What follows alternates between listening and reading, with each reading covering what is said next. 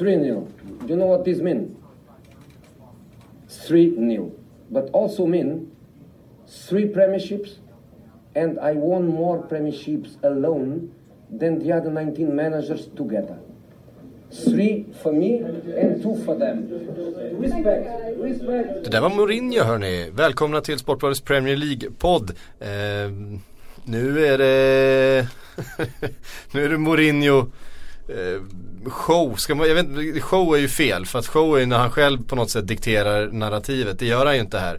Han försöker ju ta någon slags kontroll över det men det är uppenbart att det är eh, jobbigt i Manchester United för tillfället och jobbigt för eh, José Mourinho att han inte vet hur han ska riktigt hantera den här situationen. Han höll ju sig otroligt lugn under intervjun med eh, Sky Sports mm. direkt mm. efter matchen.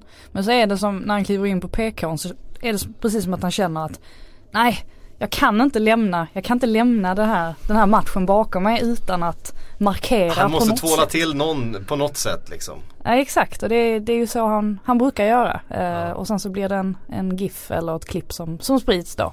Eh, så kan man tolka det på olika sätt. Och så blir det det vi sitter här och pratar om istället för Manchester Uniteds eh, insats. Men det ska vi också prata om förstås. Vad säger du om det här äh, agerandet Kalle på presskonferensen? Nej men han är ju väldigt utstuderad såklart. Det har han alltid varit. Och man kan beskylla honom för mycket. Men man kan inte beskylla honom för att vara eh, inte eh, liksom vara liksom ointelligent. Han vet ju alltid hur han ska göra för att någonstans styra budskap och så vidare. När han stannar kvar och applåderar fansen. Det är ju också väldigt, väldigt utstuderat från hans sida. Att han vet att ja, då kan han sprida liksom bilden av att fansen står ändå bakom honom. Han står bakom fansen och de har ett bra band mellan sig. Och eh, fansen eh, står bakom laget och så vidare. Och det är ju faktiskt så att eh, just där på Stretford End så, så eh, jag jag väldigt sällan sett dem inte stå bakom sitt lag eller sin tränare. Det har ju varit en sån arena där, där man gör det. Och eh, det ska nog väldigt mycket till eh, för att de inte ska göra det. Så att för mig så sa det inte så mycket men eh, det handlar ju om att sprida budskap och det kanske han gör i vissa läger med hjälp av den där charaden. Det är så tydligt också för han lyfte ju det i intervjun med Sky Sports där eh, fansen det första han nämner. Att fansen läser inte tidningar, de tittar inte på TV.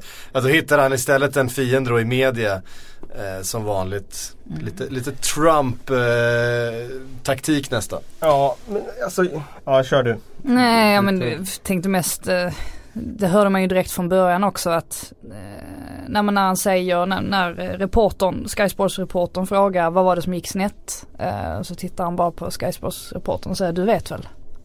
och så säger Sky Sports reportern eh, misstag i defensiven. Eh, och sen svarar han på någonting helt annat. det är så fantastiskt tycker jag. Det är så jäkla mycket Mourinho. För han är, som sagt han är ju eh, Han är ju så stor så att han vad han än säger På vilken fråga som helst så är det ju en grej. Eh, och eh, jag menar De där reportrarna vet ju att eh, de kan ställa en fråga men han kommer kanske ha en utläggning på sju minuter om där, där budskapet blir något helt, helt annat. Dock vill jag säga att jag har faktiskt sympati med José Mourinho den här gången. Jag har ju inte suttit på hans tåg överhuvudtaget. Jag har väl varit den mest uttalade kritikern till honom i det här landet i svensk press. För jag slog fast redan förra året att de kommer inte ta sig framåt med han som tränare. Och de måste, det enda som måste till är ett tränarbyte. Men den här gången faktiskt tycker jag att jag, jag har faktiskt lite sympati med honom. För att han, han säger ju efteråt att hur ska ni ha det? När, när laget vinner, då får jag kritik för att vi inte spelar bra. Och nu spelar vi bra och då är inte det bra heller. Eh, och sanningen är väl någonstans att det enda som duger i en klubb som Manchester United, Manchester City, de här stora klubbarna som har så mycket resurser. Det är bara att vinna och spela bra. För annars finns det någonting att hugga på. Eh, men jag tycker faktiskt att igår spelade Manchester United bra. Jag håller, jag håller faktiskt med honom om att då, han förlorade inte den taktiska matchen. Jag tycker att han vann den.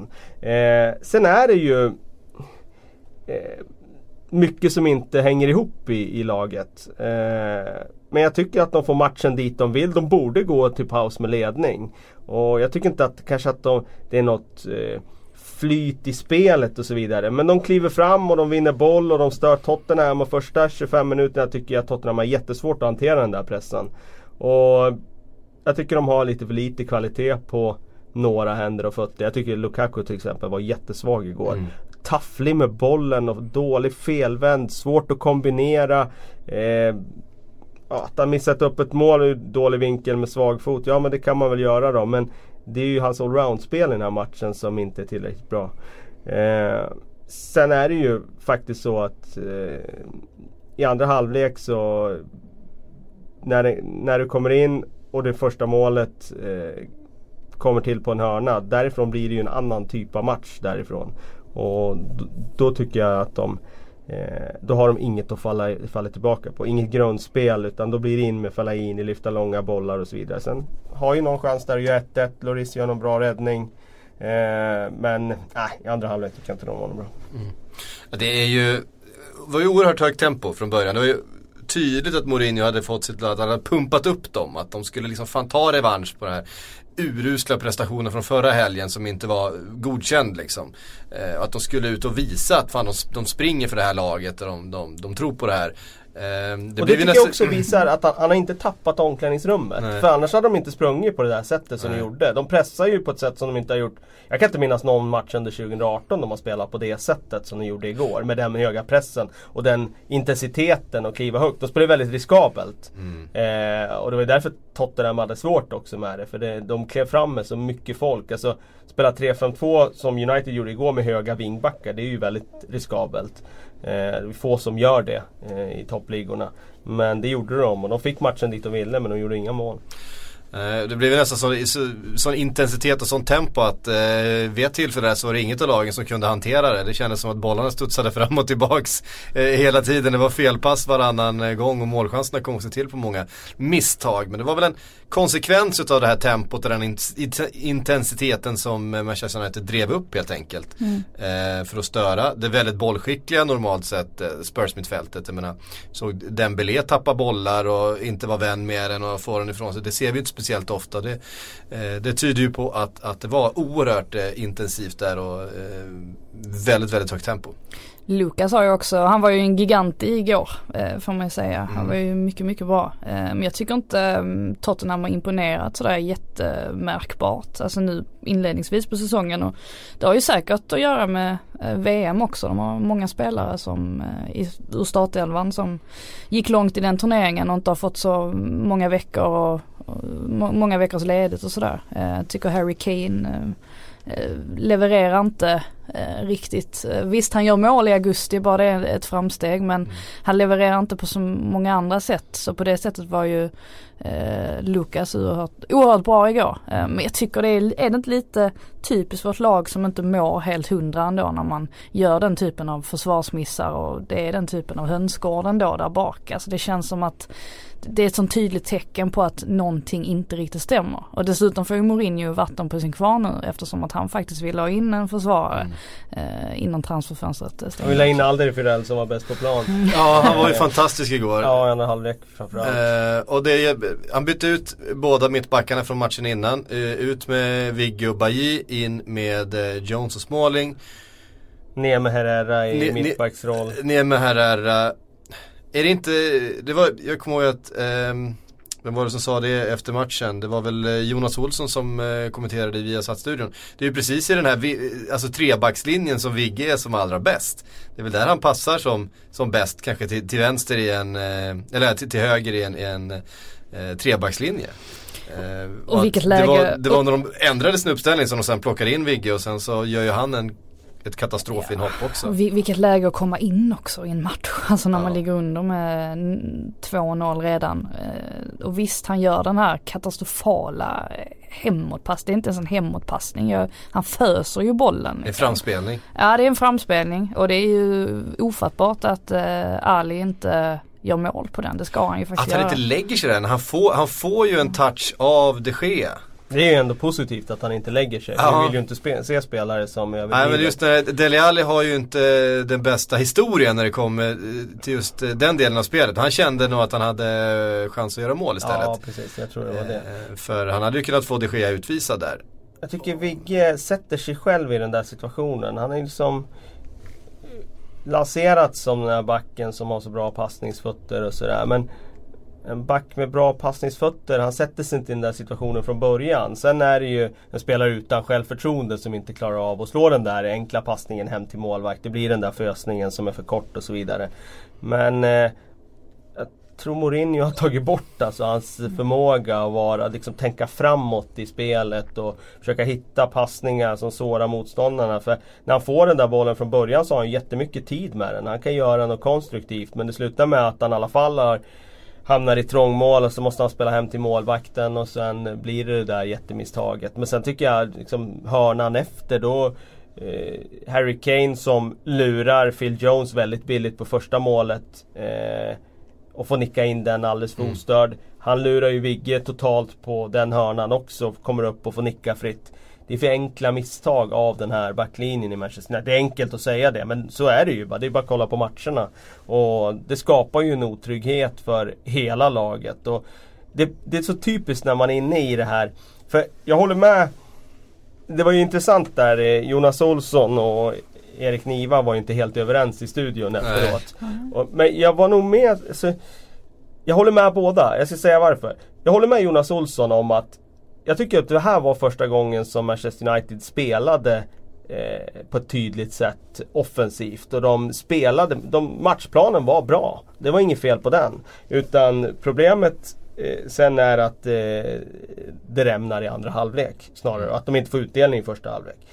Sen håller jag med Erik Niva om att jag, jag ser inte heller någonting som, även om de spe, hade en positiv första halvlek, jag ser absolut ingenting som talar för att de här ska vara med i någon titelstrid. Men det har jag inte sett från början heller, så det är inget nytt. Utan det, det, även om det var en positiv insats i första halvlek så var det ju, det finns absolut ingenting som talar för att de är på rätt väg eller någonting. För att jag tycker det bara är signifikativt för ett lag där det mentalt är någon, som inte, liksom något som fattas. Det är att man spelar rätt bra ibland men det står ändå 0-3 på resultattavlan. Och sen kommer de där misstagen och de kommer ju av en anledning. Liksom, det är spelare som inte har något självförtroende. Det är, liksom, det är två ny, nya mittbackar in och det är eh, Sen ska liksom Vigge kastas in i ett läge i andra halvlek för att Jones igen blir skadad. Alltså det är ju monumentala problem som de har att brottas med eftersom de inte har en backlinje som är homogen.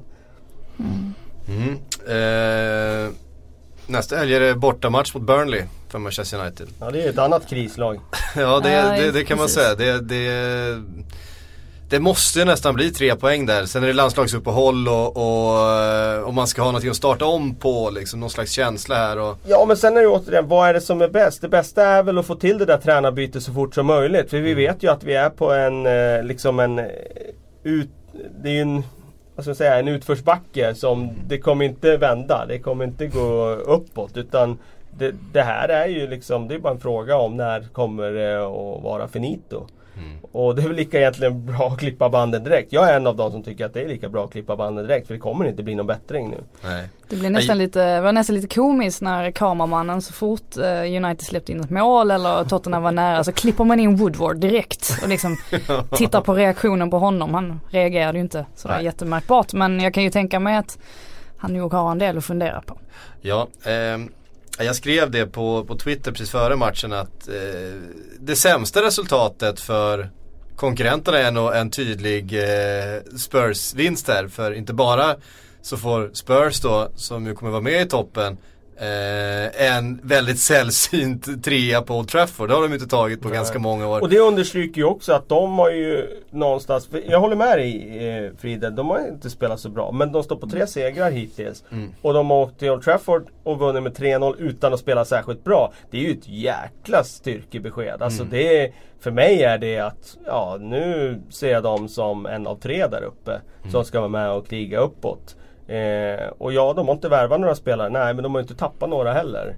Eh, och jag menar, då... eh, Det är fortfarande det yngsta laget av de här topplagen och de kommer deras kurva pekar uppåt. Jag, jag är oerhört positiv till Spurs efter det jag såg igår. Trots att de kanske skulle ha legat under i paus. Men de, slutresultatet är ändå 3-0, det är en stabil seger. Och Ja, jag, jag, jag tycker den ser väldigt stabil Mm. ut.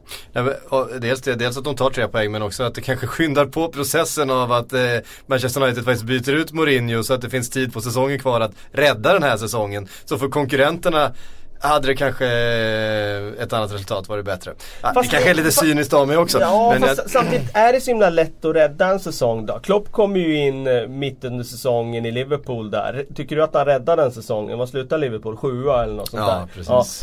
Det är klart att han lägger grunden för framgångar i framtiden. Men jag skulle inte säga att bara för att de byter tränare, pang, så kommer de Jag kliva upp i titelstriden. Jag tror att, precis som jag var inne på inför den här säsongen, de, de kommer att få det jäkligt jobbigt. De kommer byta tränare någon gång under säsongen och då kommer det vara alldeles för långt upp. De får kämpa för fjärdeplatsen. Det är det man känner nu med tanke på att Chelsea har inlett så bra. Mm. eh, det var, men det ska man säga, det var ändå en säsong då han då, då Klopp tog Liverpool till eh, Europa League-final, slog ut Dortmund, slog ut Manchester United på vägen och, och förändrade hela, hela stämningen runt klubben under den säsongen. Absolut. Jag tänker att en tränare som kommer in i jul eller kanske efter den här säsongen, det, det, det finns ändå möjlighet att göra någonting under den här säsongen. Eh, om det händer tidigt. Alltså eh, United är i, i Champions League och kan göra någonting där, kanske ta sig till en kvartsfinal eller en semifinal eller någonting. Jo, men det är under en annan, fortfarande- och, och liksom få en annan, en annan känsla. Alltså jag menar bara att det, det, är så, när det är mycket kvar av säsongen, det finns möjlighet här att vända på den väldigt dåliga trenden, den dåliga känslan som, som finns i klubben och runt föreningen just nu. Exakt, de kan vända på känslan och det kan bli en positiv feeling kring klubben så men titeln kommer de inte vara med och slåss om, det tror jag är stängt. Och de har fortfarande de backarna de har. Och Mm. vi har sett i inledningen att det, det duger inte för att vara där uppe i toppen. Nej. Och sen tycker jag inte heller att det duger riktigt på mittfältet. Jag menar Martic kom in igår. Han ska ju vara ledaren där. Han var ju inte bra alls tycker jag. Tappar bollar i farliga lägen. Fred han blandar ju er alldeles för mycket. Han är ju absolut inte redo för att vara någon nabi-keita som kliver in och dominerar. Utan det är ju en ja, injektionsspelare som eh, blandar högt och lågt. Och hittills tycker jag lite för mycket lågt eh, faktiskt de här inledande tre matcherna. Pogba är Pogba. Han har en jättehög högsta nivå men det är ingen som står när det blåser. Alltså, har han som någon slags ledarfigur när det går emot. Jag menar då står han och gör det här klippet som du visar här Frida innan vi startar igång den här podden här i första halvlek. När han står och spelar en boll bara rakt ut över sidlinjen. Och jag, jag håller med honom att just när han slår den passningen så borde kanske Valencia se att det enda sättet att slå den här passningen är att Valencia tar några steg framåt och visar sig där det går att slå passningen. Men det är det som är problemet med Pogba. Att han sätter sig i den situationen själv alldeles för ofta för att han inte spelar enkla alternativet när det fanns den möjligheten. Och sen är han ju inne i labyrinten och det är tre motståndare runt omkring han och då finns det ingen väg ut. Och det är samma sak mot Brighton ett par tillfällen när han börjar trampa på bollen och sen blir han av med den och sen eh, får man konstatera att hade han bara spelat enkelt så hade han löst den situationen. Mm. Ja, eh, vi måste säga någonting mer om Lukas Mora också som gör ju det bästa jag har sett honom skulle jag vilja eh, säga. Det är framförallt 3-0 målet är ju fantastiskt. Men han har ju ett par lägen. Han har en, en, en straffsituation i första eh, som är liksom 50-50 sådär när han också får upp den där farten med boll. Han ser oerhört svår att stoppa ut. Eh, Kändes som att det passar honom väldigt bra. Den här, eh, alltså dels att eh, försvaret var så undermåligt i, i United. Eh, och dels att han fick, han fick verkligen utnyttja det här hur ettrig han är. Och mm, jag saknar inte sån för en sekund. Det är ju nästan så att man tänker att hur ska han komma tillbaka till Tottenham och ta, ta tillbaka någon form av plats. Alltså det, kan- det kan man inte se nu. Mora gör ju så många fler poäng. Alltså han har ju så mycket mer effektivitet. I alla fall i den liksom, formen han har varit i nu. Eh, så Sånt skapar ju också lika mycket men det blir inte lika mycket i slutändan som kommer ut. Eh, Mora har ju alltid haft den här potentialen och det kanske inte är någon slump att det är i Tottenham han får den här utväxlingen. För alla spelare som kommer till Tottenham blir ju bättre under Pochettino. Eh, och uppenbarligen han också. Mm. Sen hade han ju lite tur faktiskt. Tidigt i matchen där sparkade han ju ganska högt mot Phil Jones. Och träffar den då är det ju Ja. rött kort. Fast den, jag- träff, den träffar nog, det tror jag. Ja, Men den men- träffar inte tillräckligt mycket. Nej, det är det jag menar. Det är ingen klockren träff. Jag tycker det var ett gult kort. Det räckte Ja. där liksom. Men träffar den lite till, då är det ju rött kort. Det är det en annan det är historia. också Phil Jones som stoppar fram näsan där Ja, liksom. det får man ge honom. Han är, Jag kan han är, säga han, mycket om honom men han drar inte undan huvudet. Ja, han är orädd, det får man säga. Han, han, han kommer full fart in i alla situationer. Eh, på, med sin egen och andras eh, hälsa eh, helt i obeaktande. Wolves Manchester City. City som eh, jag i alla fall förväntar mig ska göra en säsong liknande det de gjorde förra. Eh, så har de sett ut. Tappar poäng. Och nu, den här sviten, ni känner till sviten.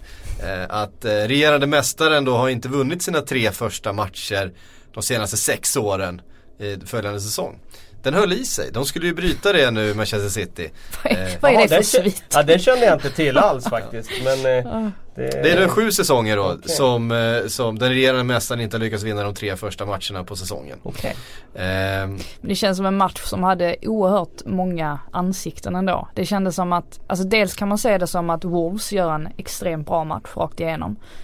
Och gör någonting som inte många andra gör ändå. Alltså man pressar, man får City helt ur balans. Framförallt Company. Man såg verkligen Mm. att han är inte på den nivån längre som Nej. han var för ett par år sedan. Eh, nej, den, den indianen han slår eh, när han blir pressad som Ah. skapar eh, omställningen där som sen blir avblåst för offside va? Eh, Det blir mål men eh, han är en halv meter offside där. det är ju smärtsamt att se för att man gillar ju kompani och man vill ju att han ska avsluta med flaggan i topp och sådär. Men den, den här matchen var han inte, inte riktigt med i. Å andra sidan så, så gör ju Wolves ett Alltså det målet ska ju dömas bort av två anledningar. Alltså Ja. belysmål. Dels är det ju hans och dels är det offside också som man kan blåsa för det. Men Var var, det han, off, var han offside? För det var väl ingen touch där på han som Ja det är det hoppade som är där? frågan om det är touch eller Jag tyckte inte det var någon touch. Däremot är det ju såkllar hands. Mm. Så Men att- den är ju väldigt svår att se. Det var ingen som såg den handsen i realtid. Det har jag svårt att Nej, tro. nej. VAR hade ju sett den. Ja det, det hade de gjort. Mm. Det hade de Eh, gjort. Men å andra sidan så har ju City enormt många chanser också. Alltså de hade ju lika gärna kunnat vinna den här matchen. Så att det, det är så svårt att, att bestämma sig för om var det City som var dåliga, var det Wolves som var bra eller vad. Och andra, man kan, kanske kan konstatera istället att City hade inte de marginalerna på sin sida som man hade inledningsvis på förra säsongen. Tre bollar i virket eller något sånt där va? Ja det var något sånt där. Samtidigt tycker jag det var intressant ändå. De snackade lite, jag tror det var Gary Neville som tog upp det i Sky Sports just att Wolves har ju en väldigt bra omställningstaktik i den här matchen. Och han sa just det där att förra året, eh, ja men då kanske lagen jobbade 90% på sitt försvarsspel och 10% på sitt anfallsspel den veckan man skulle möta Manchester City. Men nu kändes det som att man jobbar många fler procent Mm. jämfört med det på sitt omställningsspel. För de var liksom högre upp i banan och när de vann boll så liksom fyllde de på på ett annat sätt. Och det var ju det där vi var inne på inför säsongen. Just det där att Ja, de såg omöjliga ut förra året Manchester City. De hittade ett nytt sätt att spela på. Eh, yttrarna brett. Yttrarna har gått inåt de senaste åren i liksom alla toppligor. Nu spelar de med yttrarna som slickade linjen plötsligt. Det tar ju oftast ett år för mot, liksom motståndarna och, eller ett år, det kan, det kan variera men det kan ta ett, en säsong för motståndarna liksom kunna hantera eh, när man gör något nytt. Precis som Conte gjorde med Chelsea. Och jag, jag tror just det där att nu har ju motståndarna sett att det går att störa dem. Lilla Wolves klarar av att göra det.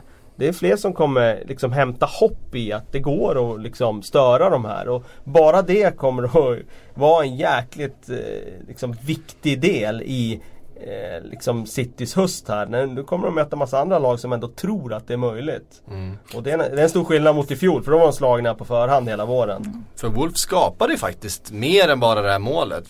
Det var ju det här eh, bortdömda offside-målet då som visst var korrekt offside men jag menar det är ändå en indikation på att man är där och man ställer om. Det var på, på kompanis misstag då. Ehm, Och så med lite så eh, X-faktor spelare som eh, Ruben Neves och jag kan tycka att Moutinhos eh, passningsspel också håller ju en nivå som är högre än, eh, måste säga utanför, utanför topp 6-klubbarna så är det ju ingen som har en, en spelfördelare eh, av den nivån. Eh, Ja, inte en i- duo i alla fall. I, i Premier League, ja, en, en duo dessutom eh, med Ruben Neves där som, som spelar på en annan nivå. Jag var, jag var besviken på Wolves efter premiären mot Everton. För att jag, i mitt huvud så eh, var de mycket bättre än, än vad de var i den matchen. Eh, och de var ju ganska hårt pressade av Everton och, och lyckades ju få med sig en poäng enbart på grund av utvisningen på Jagielka. Men här, nu känns det ju som att de verkligen har hittat varandra betydligt bättre och det är väl klart, de har ju många nyförvärv i laget så att det är väl inte så speciellt märkligt. Men en sån som Bely som jag tyckte var fullständig katastrof mm. i första matchen eh, är betydligt bättre i den här. Eh, så att man ser att det går framåt i alla fall. Så nu börjar jag tro, jag blev lite osäker på, fan kommer de komma speciellt högt upp i tabellen ändå? Men, men nu känns det som att jo, det är klart att de har möjlighet att, att, att knipa, precis som Burnley hamnade högt upp i tabellen så är det någon annan som ska göra det i år och då känns det ju som att det är fullt möjligt att de kan dyka upp där. Mm, ja de kommer väl blanda sidor, det är väl det man ser framför sig och säga någonting. Då så har de ju också spenderat en del pengar. Vi säger att de har plockat in en målvakt i Rui Patricio. Hans räddning på Sterlings volleyskott där är ju, det är ju hög kvalitet alltså. Det är klart att eh, de har spenderat lite pengar också så att de har ju ett, de har ju ett lag som eh, kan spela fotboll. Det är nog deras bästa köp skulle jag tro. Patricio eh, har varit eh, extremt bra från dag ett. Han är väl den av nyförvärven som jag tycker har presterat allra bäst liksom från minut ett. Mm. Eh, Newcastle-Chelsea. Benitez ultradefensivt. Eh, det var alltså så att eh, Jorginho hade fler passningar än hela Newcastles lag i den här matchen. Jag vet inte när man ser det. Eh, det kan inte hända speciellt ofta att en, en spelare i motståndarlaget har fler passningar på egen hand än hela motståndarlaget. Jag, vet inte, har, jag, jag, kan inte minnas att jag har sett det tidigare någon gång. Nej, det måste ha varit Barcelona någon gång när Xavi och de höll på Ja, precis. Bäst. Det är väl där det kan ha skett i så fall. När ett Girona eller något aldrig, man inte helt enkelt fick låna bollen på en hel match. Eh, men eh, ja, det var, det var tydligt och det höll ju på att betala sig för Benitez. Det satt jäkligt långt inne till slut för, för Chelsea som hade oerhört mycket boll men eh, lite svårt att ta sig igenom den där muren.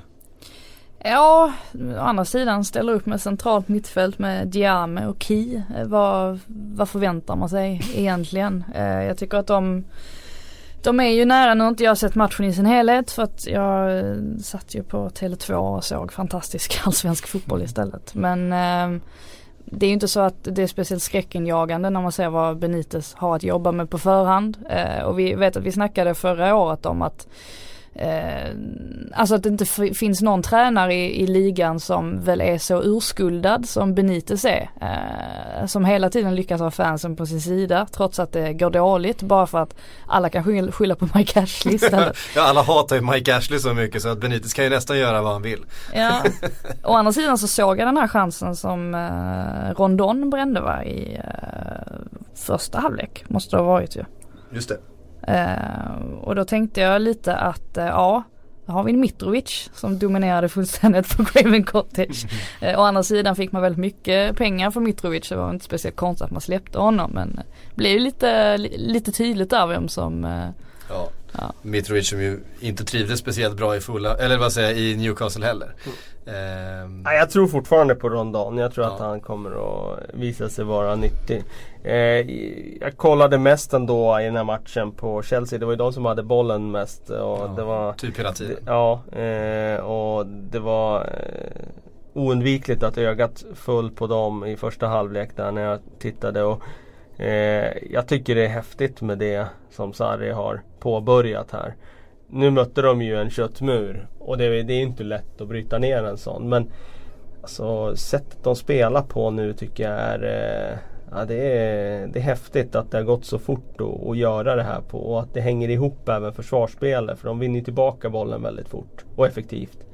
Och eh, jag menar det, det, det pratas ju så ofta om att man behöver tid och hit och dit. Men det här har gått väldigt fort. Och nu mm. står de på tre segrar. Jag trodde ju tvärtom att det skulle eh, Man skulle se en spelmässig förändring väldigt fort och så men att resultaten skulle hacka lite grann. Och visst det var ju nära att det blev kryss i den här matchen mm. men eh, Får han resultaten med sig i början här nu då Vem vet vad det här kan flyga. Och jag mm. menar Hazard har inte spelat så mycket i inledningen här.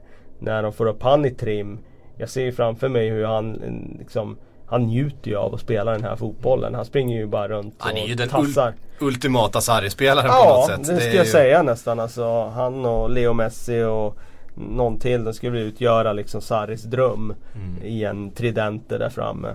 Och eh, eh, bara Jorginho på sättet han har kommit in där. Liksom, det är som att han, det, han har spelat där i, i alla år. Men å andra sidan det är ju Sarri som har liksom utvecklat Format honom, honom, ja. format honom utvecklat honom. Så det är väl naturligt att, att han har enkelt att anpassa sig. Undrar om brassarna inte hade haft lite nytta av honom i landslaget eh, ändå. Nu är han ju italienare. Eh, för de, har, de tappade honom men det känns ju som att eh, med en Jorginho i det där brasilianska landslaget hade nog eh, inte suttit fel. Nu är det ju fyra år till nästa VM så att eh, Det finns ju en annan. Chelsea-spelare som egentligen jag tycker borde vara given i en landslagstrupp och det är ju Marcus Alonso. Som när man räknar upp så här vänsterbackar som är de bästa vänsterbackarna i världen så, så tycker jag ändå att han att han borde nämnas, alltså bland dem. För jag tycker mm, tidigare har han, eller förra säsongen, då spelade han med wingback och fick använda sina offensiva kvaliteter och där vet man ju att han är bra. Men jag tycker att han klarar av det defensiva jobbet eh, väl i den här typen av formation också. Eh, och tycker att han, han är väl inte underskattad egentligen men tycker att han förtjänar ännu mer cred än, än vad han får kanske. Det gör ju mycket poäng. Ja det gör han. Det gör han. Eh, och han har ju en jättefin fot på, på döda bollar också. Eh, jag tycker han har lite problem i positionsspelet i en fyrbackslinje. Jag sätter lite frågetecken kring om inte det ändå är Chelseas svaghet just med övergången från vingbackar till fyrbackslinje och Alonso där. Jag tycker, där tycker jag han har en svaghet. Men eh, eh, så nej, jag, jag kan inte se att, är han bättre än Jordi Alba? Är det det du säger? Nej men alltså backup, de måste ha två. Ja du menar att han ska vara med i truppen? Mm, ja. Men jag tror det är mer att eh, de spelar fyrbackslinje där. Jag tycker inte han är lika bra i en fyrbackslinje som han är i en femma. Eh, så det är nog anledningen. Ehm, eh, eh, eh, ehm, vi går vidare. Jag skulle säga någonting mer om eh, Chelsea men det har jag glömt bort nu så att vi, eh, vi, vi går vidare därifrån. Vad kan det ha varit då? Kanté? Eh, ja, nej det var det nog inte. Nej, nej, jag, det, jag har inte skrivit ner det och jag kommer inte ihåg det så att eh, vi går vidare. Jag kommer på det längre fram i sändningen, Ja. det vet man inte. Det kommer nog frågor om, om eh, eh, Chelsea framöver också här.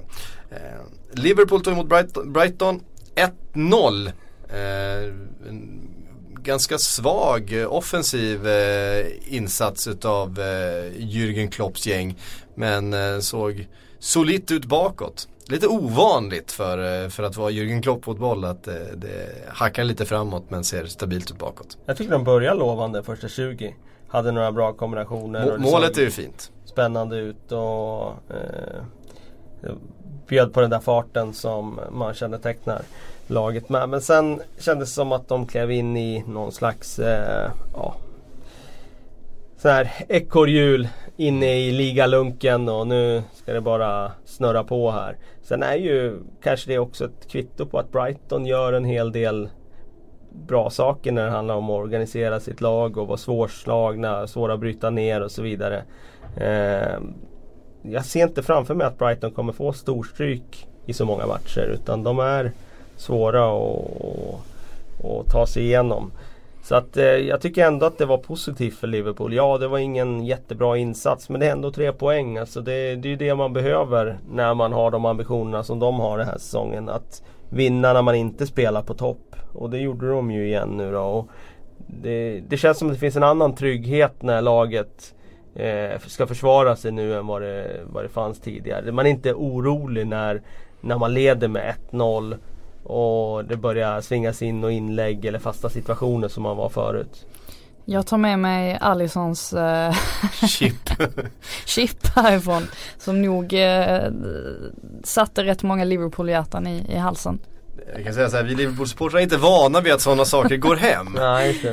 Å andra sidan så visar ju det också alltså vilket enormt självförtroende han har. Ja, det är Eh, ett speciellt psyke, det är helt klart. Det var och han var ute, han var ute och fladdrade vid ett par tillfällen i matchen också när han skulle vara, eh, spela med självförtroende med fötterna och höll på att gå bort sig mot Glenn Murray en gång och, och, och sådär men eh, Nej, det, han, eh, han får, väl, han får han, så, länge, så länge det inte blir några mål bakom så får han hålla på men Eh, jag tror att Jürgen Klopp också kan tycka att det inte är helt oproblematiskt att han är ute och, och chippar, chippar anfallare som sista gubbe. Eh, det tror jag inte han är 100% nöjd med. Förr eller senare så kommer, ju, kommer det ju straffa sig. Så är det. Ja, så, ja absolut. Jo men så är det ju. Om man står och chippar sådär en hel säsong så någon gång kommer ett misstag. Samtidigt vill jag ändå understryka att när man gör en sån grej då visar man ju liksom hela omgivningen att jag har enormt självförtroende men jag har också enorm kvalitet. Bara att göra det. Ro hem en sån grej. Och det skapar ju också en trygghet i att man vet att man kan slå svåra passningar till honom för han kommer ändå hantera det. Sen behöver man inte stå och chippa den över forwarden varje gång. Eh, så kanske men eh, Som försvarare så det beror på vad du har för målvakt där. Den bedömningen gör du ju om du kan spela hem bollen i olika situationer eller inte. Och min känsla nu det är att du kan ju bara smacka hem en volley på honom. Han kommer dels dämpa ner den jäkligt bra och lösa situationen. Så Ja, ja det, det, såg ju riskabelt ut men jag tyckte han bara fick bara ännu mer Jag fick bara ännu mer förtroende för honom när det handlar om att lösa situationer. Mm. Ja, han har ju eh, hyfsad distribution med fötterna eh, ut på kanterna och de sitter ju hela tiden. Mm. Brasilianska målvakterna tar över eh, eh, utvecklingen för målvaktsspel. Det är kul. Ja. Eh, Arsenal West Ham. Äntligen tre poäng för Unai Emery. Eh, nu när eh, den tuffa inledningen var avklarad så mm. blev det 3-1. Alltså, jag tror, jag eh, försökte tänka mig igenom den här matchen många gånger. Det är klart man kan peka på eh, ganska mycket som fortfarande inte fungerar i Arsenal eh, och definitivt inte i West Ham heller. Men jag tycker ändå någonstans att det största problemet som Emery har just nu det är att man inte riktigt vet vilken startelva Arsenal ska ha. Alltså vilken är, vilken är Arsenals eh, elva som han ställ, ska ställa ut på planen eh, varenda match. Jag, jag vet inte riktigt det. Uh, och det är väl kanske dels för att man inte har sett Torera från start heller. Vilket jag tycker är lite, är lite märkligt. märkligt. Uh, han gick, eller Uruguay gick ju inte så långt i VM så att han måste ju ha fått en del vila och sådär. Och nu vill man verkligen se honom från start för att det känns som att eh, Xhaka blir en bättre fotbollsspelare om han är där eh, och städar upp efter Xhaka. För Xhaka var ju helt vilsen defensivt eh, matchen igenom fram tills Torera kommer in på planen för att då avlastar han honom något kopiöst. Och Guendouzi, det är jättekul att han får allt, den där, allt det här förtroendet och han kommer säkert utvecklas och, bli bättre. Men just nu känns han lite för ung ändå, för oerfaren för att axla det tunga ansvaret. Och sen samma, sen kan man kolla på Beirin som eh, har varit jättebra offensivt de här inledande matcherna, har ju stått för assist och så vidare. Även nu mot West Ham men bakåt så är det så stora ytor så att han hjälper ju inte direkt till i det här yra mittförsvaret med Mustafi och Sokratis som, eh, ja de var ju också, de visste ju inte vad de hade varandra i princip. Så att det är en del frågetecken i Arsenal och visst de får med sig tre poäng. Eh, mycket till stor del tycker jag på grund av att Lacazette kommer in. Eh, tycker definitivt att Emery ska försöka spela med både honom och Aubameyang. Eh, för offensivt såg det ju eh, ännu bättre ut. Eh, men det är en del grejer som inte känns helt klockrena och tänk då på West Ham. Det är ju ännu fler grejer som inte känns klockrena. Ja, det känns som West Ham är en ganska långt ifrån att få ihop det här eh, nya laget till eh, någon slags enhet. Man har ju förtroende för Pellegrini. Det är ju en väldigt rutinerad och duktig, duktig tränare och förr eller senare så får han väl ihop det.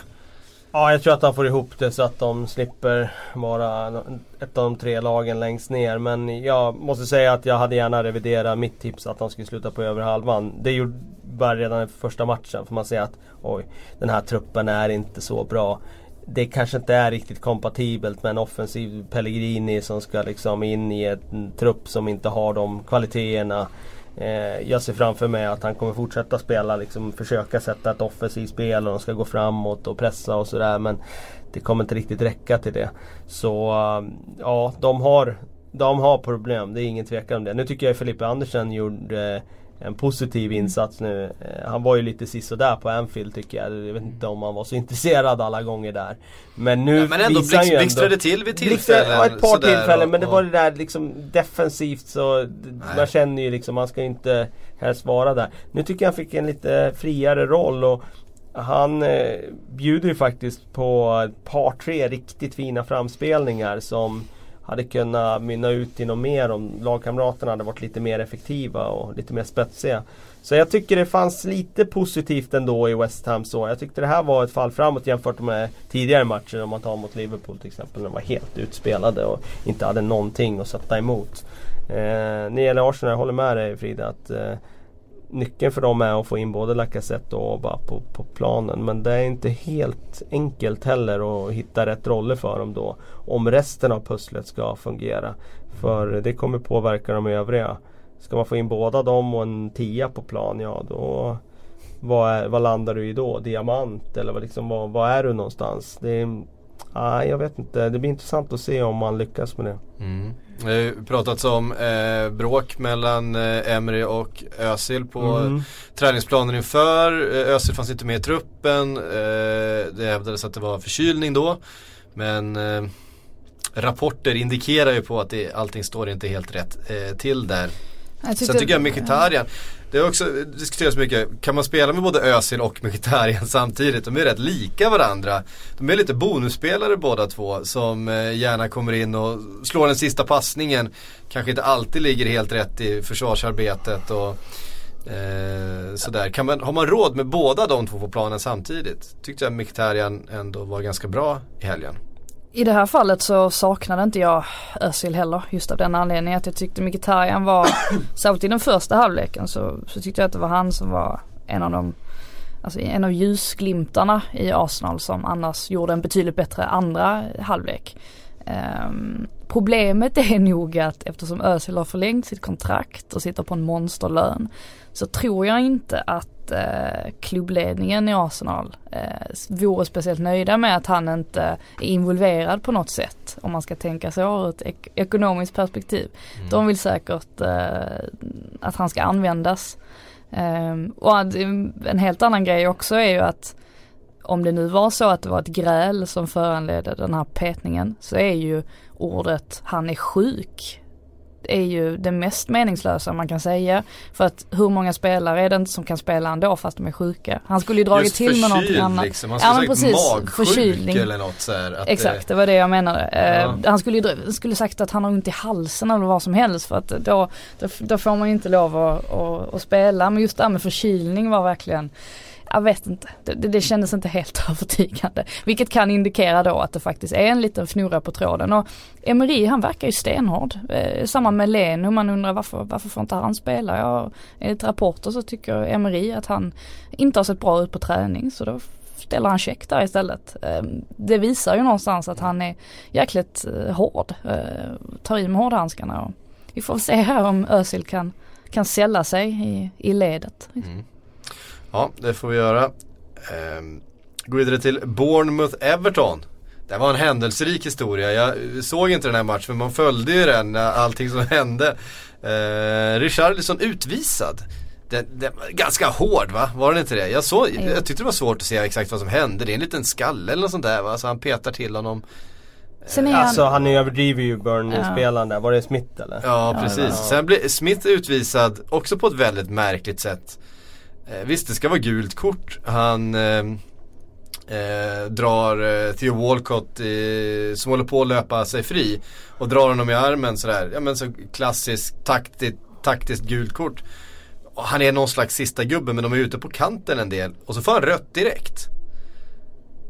Det tyckte jag också var, var väldigt hårt. Så två väldigt hårda röda kort ändå tycker jag. Samtidigt, Richarlison får inte ge domaren chansen att ta Nej. fram det röda. Och Exakt. det förvånar mig varje gång en spelare går i den fällan. Eh, så jag har ingen han har sett lite övertänd ut i vissa det, situationer. Det förvånar inte med att det är Richarlison som går i den fällan med tanke på hur han har sett ut nu inledningsvis. Alltså han, han är ju så äh, oberäknelig. Mm. Han verkar ha en oerhört kort stubin. Det märkte man ju redan i, mot Wolves där. Eh, han hade ju lika gärna kunnat få rött kort där också. Vid, i någon, ja, så mm. slutar de med att han gör två mål istället. Så att han oberäknelig på det sättet. Och det måste han få styr på för att det här blir ju liksom kostsamt ändå när man blir avstängd en match och sådär, minst. Ja, så eh, tre matcher blir det ju. Ja, det, är direkt, till... det är direkt rött kort. Ja, till och med det. Ja, det. Tre matcher, så att eh, han kommer vara avstängd då i ligacupen. Eh, så två, två ligamatcher. alla ni som spelar managerspelet får ju tänka då på att han är borta två, två ligaomgångar här eh, framöver. Rätt så bra att man kan räkna in ligacupmatcher måste, måste klubbarna tycka ändå ja, att det är ja, rätt skönt. Den hade han nog inte spelat i alla fall. Eh, beroende på, nu vet jag inte hur lottningen ser ut. Men eh, så i alla fall. Eh, Theo Walcott och Michael Keane målskyttar för eh, Everton. Mm. Eh, Walcott som har sett eh, pigg ut. Ja. Eh, jag har ångrat lite grann att jag inte tog in han i min manager 11. För att är det någonting man kan säga om Walcott så är det att han har ju faktiskt rätt bra målsinne. Han gör ju rätt mycket mål. Oavsett om han har varit utanför laget i sex månader och så kommer han in och spelar så han kommer att hitta målet. Och han kommer nog göra 10 eller till och med plus 10 mål den här säsongen om man får spela kontinuerligt. Och det får man ändå säga är ett bra stats för en ytter i, i en klubb som Everton. Så att eh, det, det, tycker jag är positivt med honom. Michael Keane har ju också varit positiv. Jag såg deras första match där mot Wolves. Jag tycker han var bra då. Eh, så han, av alla mittbackar de har nu till förfogande, så tycker jag han känns som den som är mest gjuten där i mittlåset. Eh, och han hade ju en tuff första säsong på Goodison. Så att det är ju kul om han har funnit sig till rätta där nu. Mm. Um, men 2-2. Eh, men 2-2. Sen mm. eh, kvittering utav Nathan Ake. Eh, som kanske har fått ordning på fötterna igen där i, i Bournemouth efter eh, utlåningarna och så försäljningen från eh, Chelsea och så. Eh, Bournemouth som har öppnat eh, starkt den här säsongen. Ja men verkligen. Ja. ja. Man, alltså, jag, tror fort, jag tycker fortfarande att Eddie Howe, jag känner att han fortfarande är lite underskattad. Ja det är han. Är han, är en, han är en riktigt, riktigt bra tränare. Det, det är känslan man har för att med de resurserna han jobbar med och med det eh, de spelar han har till sitt förfogande att få ett lag som presterar så här bra. Och gör det säsong efter säsong. Har inte det mycket att göra med förra säsungen att det såg inte jättebra ut ändå. Det var lite skakig inledning, ja, de, de dalade ganska ja. snabbt. Men det är det där jag försvann. är, det, det, är nog så, ja. exakt som du säger. Men det är det där jag är så extremt mycket emot. Att det är liksom vad är en bra tränare? Det ska ju egentligen inte pendla. Alltså om Warmouth inleder Premier League svagt en säsong Ja, alltså, ena veckan då lanserar de han som engelsk förbundskapten eh, mm. den nästa. Sen uh, har de fyra raka förluster, ja då är han inte vattenvärd. Då är han inte nämnd ens i den liksom, sammanhanget längre. Sen går det bra, då är han där igen. Alltså, mm. Så där har det ju varit i England hela tiden. Och Pardew gör det bra i Newcastle, då är han nästa förbundskapten. Och sen går det inget bra, då liksom ska han ner i League 2. Det är liksom extremt stor spännvidd mellan där. Men Want flexibility? Take yoga. Want flexibility with your health insurance? Check out United Healthcare Insurance Plans. Underwritten by Golden Rule Insurance Company, they offer flexible, budget friendly medical, dental, and vision coverage that may be right for you. More at uh1.com. Om det går bra eller inte sett över korta perioder, det, det är så mycket som spelar in på det. Mm. Alltså, Eddie Howe kan inte styra över precis alla eh, omständigheter. Och han har inte jättemycket resurser där. Så det är klart som tusan att det kommer att vara perioder där, där Bournemouth inte vinner några matcher. Men så länge de stannar kvar i Premier League så, så är det ju bra. Mm. Känns som att spelarna har höjt sig också, en sån som eh, Nathan Aki. Jag vet förra säsongen så tänkte man att jag tror till och med jag plockade in honom i min manager 11 för jag tänkte att Åh den där. Han var ju väldigt bra, bra där när han var utlånad från Chelsea ja. och man tyckte liksom att Exakt. Och Chelsea plockade ju tillbaks honom. Eh, mm. Eh, det var två säsonger sedan va? Plockade ju tillbaks honom halvvägs för att eh, de själva, det var ju när, när Chelsea själva eh, hackade mm. väldigt mycket. Och, och, han var ju inte bra. Eh, alltså förra hösten då. Eh, tyckte han var Nej han kom inte alls in i det. Men nu är det, är det helt plötsligt hur bra som helst. Att det visar ju också att det är ju spelare som har höjt sig. Mm. Eh, det, har, det är säkert en bidragande faktor också till att det går bättre nu. Mm. Eh, får eh, vidare då till Fulham som slog Burnley med 4-2. Eh, Seri fick göra mål. Ett vackert mål också. Ja, det var inte dumt. Nej.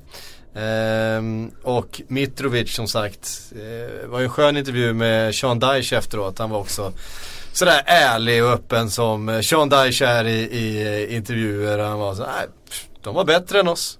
De har köpt spelare för skitmycket pengar som inte vi har och de, de spelade bra idag. Då, då, då kan det gå så här. Kan det vara det mest otippade eller det mest, eh, vad säger man, lågoddsare att han tycker, att han hyllade Mitrovic Ja det är ju Sean, Känns som en Sean, oerhört Sean Dyche kompatibel anfallare alltså. en, en stygg stor nia som eh, är där och stångar in dem. Men han har ju rätt, Daesh. Alltså de, Mitrovic de var väldigt inte, bra. Ja och sen så att, att Burnley de har inte värvat vem är det? Gibson är väl det enda och Hart var ju nödvändig eftersom Mm. man hade två skadade första målvakter där. Eh, men i övrigt så har de inte värvat någonting och så ska de bolla det här med Europaspel. Och då, Ja, alltså- det, det, är tufft. Ja, de har ju spelat rätt mycket redan den här säsongen. Eh, vi har varit inne på det. Det här var väl deras typ tionde match eller någonting. Eh, säsong, alltså säsongen 18-19. Och det, det är klart att de, eh, de har lite fler löpmeter i benen än de andra i det här skedet av säsongen. Så är det ju helt klart. Eh, vi måste säga någonting om Watford också som ju tillsammans då med eh, eh, Liverpool, Tottenham och Chelsea står på 9 poäng efter tre omgångar och slog eh, Crystal Palace med 2-1. Och, alltså, eh, är det Roberto Pereiras eh, säsong det här? Eller? Ja, verkar ju som det.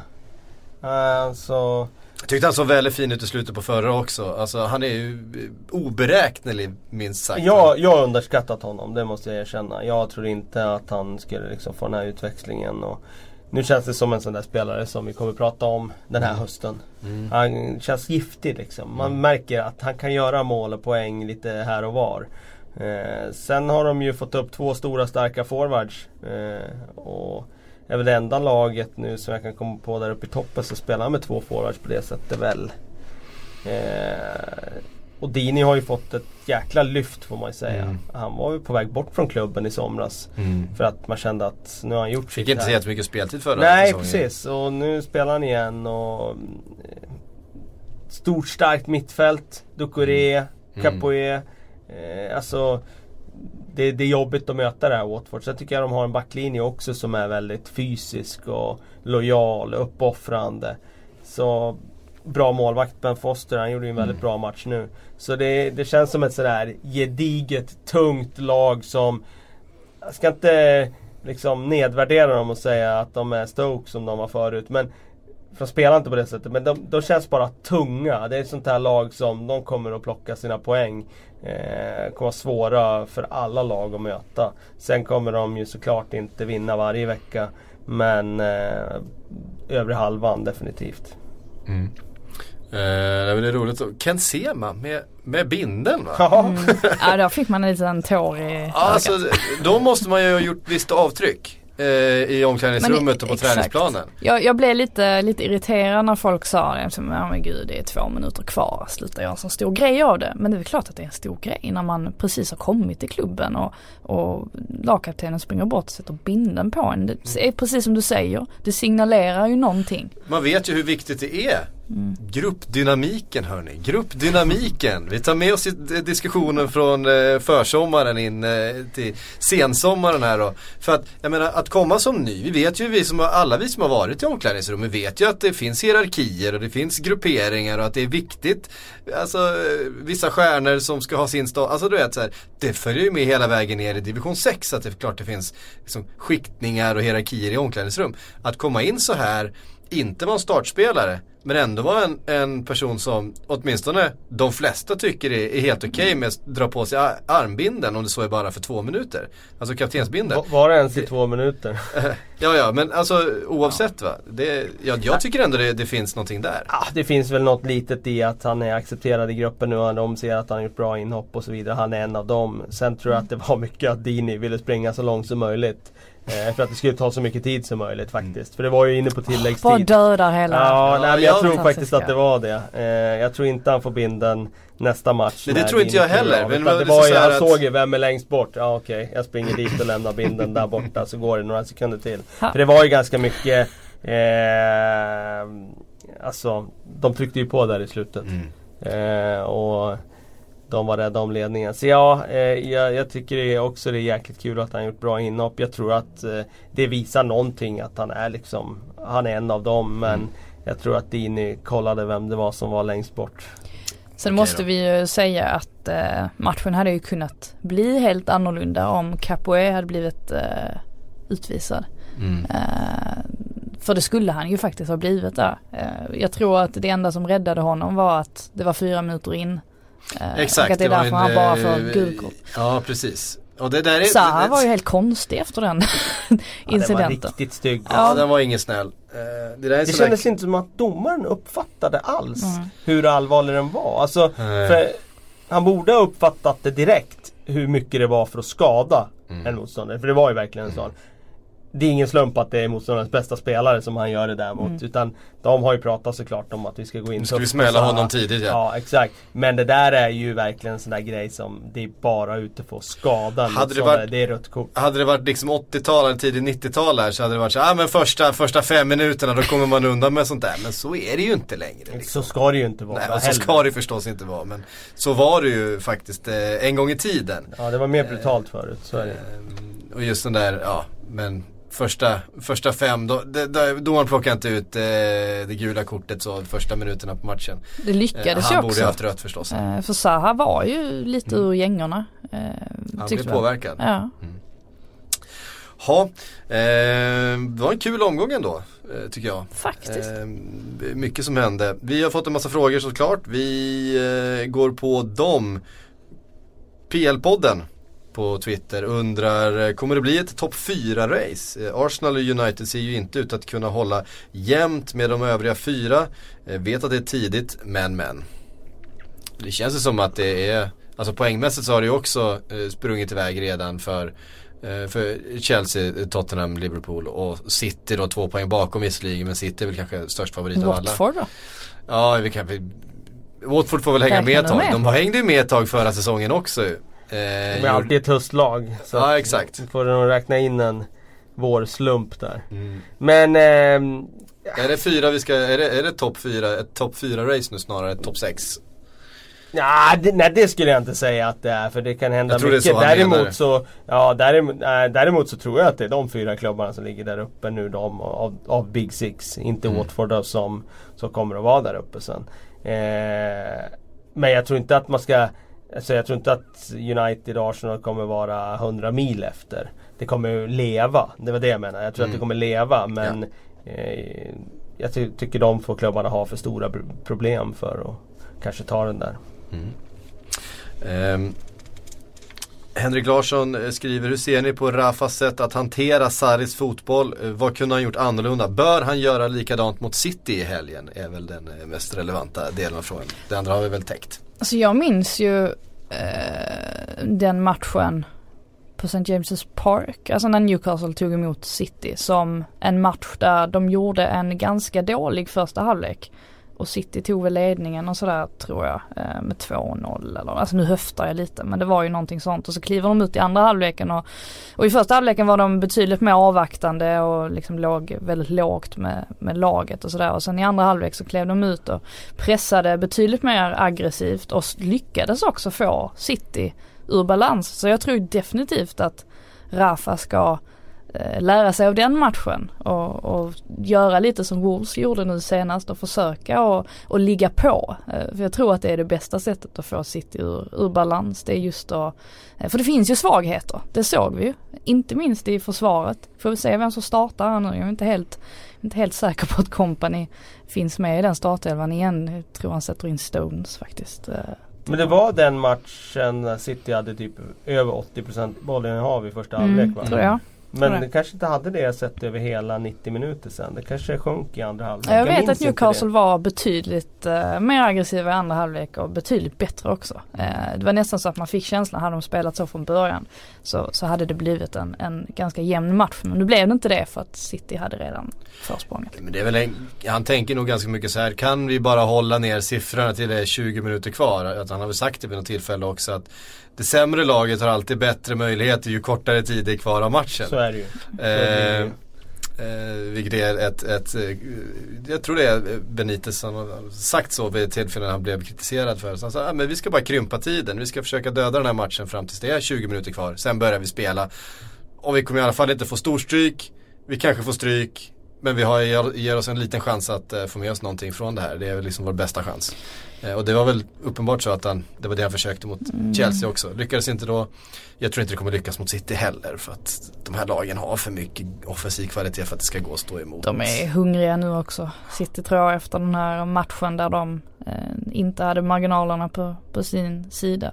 mest intressant tycker jag numera när man ska titta på City det är att se vem, vilka som är i startelvan för att det, det känns som att det kan vara lite hur som och nu sägs ju Sané dessutom eh, vara eh, ja, sägs ju ha gjort sig, inte gjort sig ovän men har visat en lika dålig attityd på träningarna som han tydligen gjorde i Tyskland också.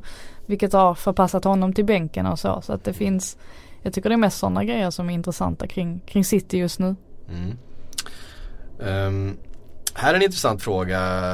Ni får, jag får väl ge er ett, eh, en minuts betänketid där då. För Ternbrandt undrar, bästa spelaren som ni sett live? Den bästa spelaren som ni träffat? Eh, vad hände? Eh, och sen har jag en PS kring Manchester United, har vi pratat ganska mycket om att försvaret inte håller och sådär. Jag kan säga den bästa spelaren jag har sett spela live eh, vid ett tillfälle, det var säsongen eh, 10-11 och det var på våren. Så att, eh, och det var, ja, inte helt oväntat var det Liverpool jag var och tittade på. Jamie Carragher. Nej det var Luis Suarez. Eh, och det var ganska tidigt i hans eh, Liverpool-karriär. Det var han och Andy Carroll på topp och det var Manchester City på Anfield. Och Suarez var, det blev 3-0 till Liverpool. Car eller, eh, Carroll gjorde två mål. Men det var liksom Luis Suarez var, var helt på en egen på en egen nivå i den matchen. Jag menar Steven Gerrard var där, han var bra. Eh, och eh, jag menar Andy Carroll gjorde två mål, eh, spelade fint. Men han var, han var fan med överallt. Han sprang på allt, han terroriserade Citys backlinje i den matchen på ett sätt som jag inte har sett någon fotbollsspelare göra. Varken före eller efter faktiskt. Han var, eh, det bara kändes, kändes helt, liksom under 90 minuter att han var helt omöjlig att spela fotboll mot. Den bästa du har träffat då? Den bästa jag har träffat Menar man pra, du har jag, något, jag tror jag tagit upp, tagit upp förut eh, när jag träffade Alan Shearer. Mm. Eh, när jag jobbade för Gotia Cup och han var där som någon slags ambassadör för han, han, han, har spelat Gotia, Gotia Cup. Och han slog ju igenom där, det är det han själv säger. Det var där hans karriär tog fart. Han började på bänken. Var det ni använde det, i marknadsföringen eller? Ja, det, så, så, kan, så, så, kan, så kan det ha varit. Jag vill träffa Alan Shearer och det är klart att eh, Alan Shearer är en av de, de bästa anfallarna eh, genom alla tider. Eh, I min värld och det, det är svårt att toppa. Han var han var en trevlig man. Ja. Amin är väl eh, utan tvekan Cristiano Ronaldo som jag har sett både på Old Trafford, eh, på San Siro när de mötte eh, Milan typ 2000, eller var när Zlatan var där så måste vara typ 2009, 10, någonting sånt. Mm. Champions League. Eh, det är ingen tvekan om att det är han. Eh, mm. Han har alltid varit en stor idol också. Eh, träffat är lite svårare att välja. Jag har ju, träff, jag har ju pratat med Zlatan. Eh, Kamara Jönsson. Kamara Jönsson, det är stort. eh, jag har pratat med Zlatan. Men man har ju även pratat så här med, träffa Rivaldo nu till exempel innan VM. Han var ganska bra han också. Han var ganska bra var ja. Snuskigt bra. Alltså. Och, det, är, ja, det är ju en av mina favoriter. Ja. Rivaldo åren 98-99 det mm. är, ja, det, det var på en sagolik nivå. Alltså. Träffade Alexis Sanchez också under våren och pratade lite med honom. Det är också så här, ja men ganska, ganska stort ändå på något mm. sätt. Det finns några att välja ibland. Det är svårt att Henke kanske också ska han är inte så kul intervjuare. Henke var bra, men... honom har jag också träffat vid tillfälle. Eh, mm. sådär. Jag vet inte, det, var, det, det är något speciellt. För min del var det, var det något speciellt med just Alan Shearer för att man har en sån mm. Premier League eller engelsk fotbollsnörd också. Rio Ferdinand var också lite speciellt. Ja, han var också väldigt bra mm. en gång i tiden. Du då Kalle, vem är den bästa du har sett spela? Ja, jag har inte varit på plats någon gång och sett någon sån där definierande match av Ronaldo eller Messi. Men jag har ju sett båda live. Mm. Så det måste ju vara dem. Eh, svårt att säga att det skulle kunna vara något annat. Men eh, när jag har varit på plats har de inte gjort någon sån här match när de har gjort fyra mål och liksom. Eh, så. Men eh, träffat måste nästan vara Zlatan ändå av, av de så, eh, ja. Det är lite speciellt mm. ändå på något sätt. Han är ju som, han är så mytomspunnen mm. så det var ju, det är ju nästan så att man Peter Schmeichel. Ja. Ja. Jag, har aldrig, jag har aldrig träffat Zlatan så jag kan inte säga det. Men eh, det är klart att eh, han är en av de bästa. Han är ju onekligen den bästa vi haft i det här landet. Så. Mm. Eh, ja, det var, det var fina svar. Eh, ni kan väl eh, bidra med era, eh, om ni har några speciella. Det är klart det har alltid varit någon som var där när man såg Messi göra fem mål någon match och var, spela som ingen annan. Mm, ja Messi har man också sett men som sagt jag vet inte det är Cristiano som har fastnat Mest på Du är team, eh, team Cristiano Jag är helt enkelt. Det är det vi, det är det Jag vi ska lansera en riktig outsider här för våra kära Aston Villa-lyssnare. Jag var på Highbury en gång. Det måste ha varit mitten av... Ja, det måste ha varit 97 tror jag. Eh, då såg jag Arsenal mot Aston Villa och då hade de en fin, fin vänsterback som hette Alan Wright. Han var ju mest känd för att han var bara 1,63 lång. Eller kort kanske man ska Oj. säga. Eh, Premier Leagues kortaste spelare då. Och eh, han gjorde en helt briljant insats då på Highbury i den matchen. Så det kanske är den bästa enskilda insatsen jag har sett honom. Sen var vi lite förtjusta i honom bara för att han var så kort och han såg lite rolig ut och hade en jättefin vänsterfot. En magisk vänsterfot, det var ju den han levde på.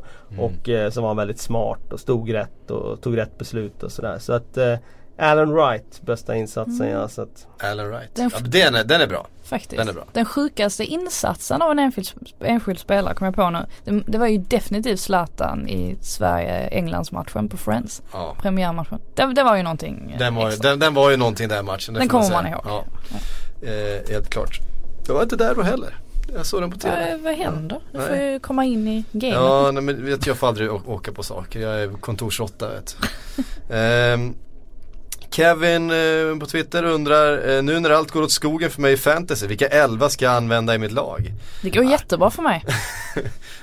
Ta ut Richarlison är väl det första vi säger, in med exakt. Walcott. Exakt. Eh, det, är väl en, det är väl en bra början. Jag hade ju Mitrovic den här omgången vilket kändes oerhört bra på kontot. Mm.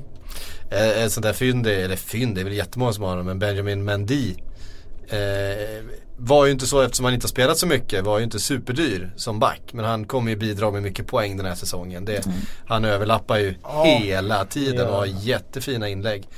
Eh, så att det kommer bli mycket poäng där. Får man se upp nu, eh, jag satte in Gomes. Eh, jag tänkte det Mm. var smart med tanke på att de skulle möta Brighton och det gav ju mycket poäng. Eh, men får se nu här när Lovren är tillbaka. Eh, jag vet inte om, om han skulle vara det i nästa Nej omgång. precis, det var det jag tvekade på där Mm. innan. Jag, Ja, jag, tänkte kollade också- presskonferensen. Ja det var bra. Jag funderar på Gomes där men nej. Eftersom Lovren verkar vara på väg tillbaka så var det inte värt det. Jag har satsat på ehm, Jag hade Mares från början faktiskt. För jag tänkte att han kommer starta med VM-spelarna borta. Men det var också bara de första omgångarna så han har jag tagit bort. Men eh, det känns som man ska ha mycket Liverpool och mycket mycket de här lagen som är heta just nu. Liverpool, Tottenham. Mm. Trippier är bra också. Mm. Det har jag. Det är, det är Ja, sån där back som gör eh, mycket poäng ändå. Jag hade både, både jag hade Trippier men Maguire faktiskt också. Han gjorde ju mål nu i, i helgen. Tarkovsky har gjort två mål hittills va? Ja. Eh, Ja det har han gjort kanske. Ja, ja. däremot vinner ju inte Burnley så ofta nu för tiden. Men han gör i alla fall mål. Ja, ja, jag tror man ska akta sig för Burnley faktiskt. Ja, det att ska man verkligen en, göra. eh, Ska man ha någon så är det nog Tarkovsky om han fortsätter göra mål då. För då får han ju väldigt mycket poäng av det. Jag gick bort med lite grann och tyckte det var bra pris på eh, Lemina och eh, Danny Ings i, i Southampton. Det är bra pris på Lemina sett Ja, till hans kvalitet. Men Absolut, och eh, Danny Ings kommer in, de behöver Nej. en målskytt. Mm, han nej. gjorde ju mål eh, i första, han har varit eh, där och huggt och sett bra ut men Southampton är inte tillräckligt Nej, bra. Alltså, det, De känns det, inte bra alls. det, de kommer få det jobbigt i år. De är nog, det kan nog bli den första klubben som kickar, eh, kickar tränaren. Mm. Hughes. Jag vet inte, det var en känsla. före, före Mourinho alltså. Ja, Ja. tror inte det är svårare att lösa Mourinho från det kontraktet. Att ta lite längre tid och Ja, hitta ersättare sådär. Mm, Känns som att det är enklare i Southampton. Eh, möjligt. Eh, Johan Lindström eh, skriver med tanke på eh, Toby, eh, aldrig för Feirel då, eller lägger jag till. Imponerande prestation framförallt i andra och eh, Virgil van Dijks start på säsongen så vore det intressant om ni jämförde Spurs och Liverpools backlinje när de spelar fyrbackslinje som igår. Är det de två starkaste backlinjerna eller ska Citys in där med? Ja, jag tycker inte City ska in faktiskt. Ja, det tycker jag tycker att uh, mittlåsen, är, eller mittlåset i, uh, i City är, eh, det är inte det bästa i, eh, i, eh, i ligan och jag vet knappt vilka två ska det vara då. Är det Stones och Laporte kanske som ändå får ses som ordinarie mittlås. Så nej jag håller med om att uh, tycker definitivt att, jag tycker att Liverpools är det bästa. Det har- vet jag har sagt förr också. Mest stabila men det är ju van Dijk som gör det definitivt. Ja, det är ju van Dijk som i, i så fall ska vara. Mm. Eh, för där, där bredvid är det ju alltid frågetecken. Ja, alltså Spurs mittlås är ju bra. Ja. Men eh, de har ju faktiskt lite tveksamhet där på Rose. Jag tyckte han var riktigt dålig i första halvlek Okej. igår. Ja, vad har hänt med honom Nej, jag vet inte, han har tappat det helt alltså. Sen han gjorde den där intervjun där han sa att han skulle kunna tänka sig att spela längre norrut och det var det ena med det andra. Han var på väg ut genom dörren i stort Mm. sett och han kom på kant med Pochettino känns det som att han eh, Jag vet inte. Det är konstigt då han inte tar chansen. Alltså nu när han faktiskt får spela. Ja, det är märkligt precis. att han ser så instabil ut. Sen tycker jag nästan att eh, Alltså det, det lilla man har sett av en sån som Davinson Sanchez som man hyllade så mycket förra säsongen. Mm. Eh, nu inledningsvis så tycker jag att han också har sett lite så här f- ostadig ut eller har gjort en del grejer som man har tänkt att oj det där var inte helt hundra. Jag tycker ändå det känns som att det är Fertongen och Aldrig Ferreld som, Ja. är, som är etta och tvåa i, i den backlinjen. Mm, Eh, att Davinson. Sanchez är, är, är reserven. Nu var ju Aldrig Ferreld skadad väldigt mycket förra säsongen ju. Mm. Eh, Och därför spelad. Var ju bra förra säsongen men eh, ja. Ehm, Johan V Åkesson skriver några ord om Grant Holt. Kultspelare, eh, meddelar att karriären är över i förra veckan. Eh, blev misslyckade sessioner i, i Wigan, Villa, Wolves, Huddersfield efter Norwich 2013. Men han var fin i Norwich eh, en gång i tiden. Eh, brytare. Eh, spel i League One, skotska Hibs och sedan division 5-spel. Nu ska han köra wrestling. Eh, ja, alltså, Grant Holt är ju en sån där spelare som man kommer Alltså man kommer, man kommer glömma bort honom så kommer man bli påmind om honom så får man ett sånt där leende som Kalle har på läpparna nu. Därför att, eh, ja. Ah, jag måste bara dra den. Jag vet inte om den görs i poddformat men jag såg en jäkligt rolig tweet. Det var ju faktiskt i förra veckan så sent som det om Grant Holt. Och det var det hans beskrivning, eh, profilbeskrivning på Twitter är Dad of three beautiful girls, coach, pundit and all around nice guy. Och då var det någon som skrev vilka roliga namn hans döttrar har. Ja, just det, jag skrattar det är också gott åt denna. skrivteknisk fråga som Grant Holt kanske inte har reflekterat så mycket åt men enligt hans profil så heter hans döttrar, döttrar alltså coach, pundit och all around nice guy. Det, Eh. det är väldigt fint också att han har, att han har sina barn som på omslagsbilden. Ja det är fint. Är inte det fint. lite Jo gulligt? men det är fint. Det är inte Ofta man ser det. Nej och det är väl, eh, det är väl eh, lite Grant Holt där också. Nej men det är ju klart att eh, man gillar Grant Holt. Det var ju en otroligt stor profil när han Mm. kom upp med Norwich och, och satte färg verkligen på Premier League då. ja han, var ju, han var ju stenhård där framme. Han hade ett fint anfallspar då med han och Steve Morrison va? Ja just det. Det var mycket springa och buffla på den tiden. Alltså det var, det var det var på något sätt gammal, gammal hederlig engelsk fotboll sådär. Det var, det var, det var mycket tempo och vinna 50-50 dueller liksom. Det var, och så komma med fart in i boxen. Eh, det, känns, det känns som det, det är den bilden jag har av Grant Holt. Eh, wrestlingkarriär. Eh, vad heter han? Tim Wiese, gamle målvakten, har ju gjort en halv framgångsrik wrestlingkarriär. Han ser, han ser knasig ut i alla fall. Får se Varför ska alla fotbollsspelare ge sig in i, i kampsportsvärlden? Så här, Rio Ferdinand ska väl han ska sig. boxas och- Ja. Ja, de tycker väl det är häftigt. Ja, jag tror Absolut. det kanske passar den tävlingssinnet och att man vill göra någonting och man vill utmana sig själv på olika sätt. Jag vet inte. Men eh, lycka till till Grant Holt säger vi i den satsningen. Eh, nu har klockan sprungit iväg för oss. Eh, vi måste gå och äta lunch. Eh, ny Premier League-omgång till nästa helg och ny, nytt avsnitt av eh, eh, Ligacupen i veckan. Det är ligacupen ja. Ja Icke att precis. förglömma. Nej, verkligen inte. Carabao Cup. Carabao. Det. Åh herregud, ska vi börja använda Vad fan, varumärkesnamn? vad fan är Carabao? Jag vet inte, vi behöver Jo, inte ta upp det- vad fan Nej, det är för någonting. Nej, det skiter vi. Det är väl en öl? Inte? Är det det? Ja, ingen aning. Eh, vi är tillbaka. Nej, energidryck. Ah, det var det, var Det, det det, det, har du koll på. Ja, jag visste att jag, jag visste att jag visste varenda det. energidryck i världen. Ja, eh, vi är tillbaka om en vecka igen. Eh, ha det så gott till dess.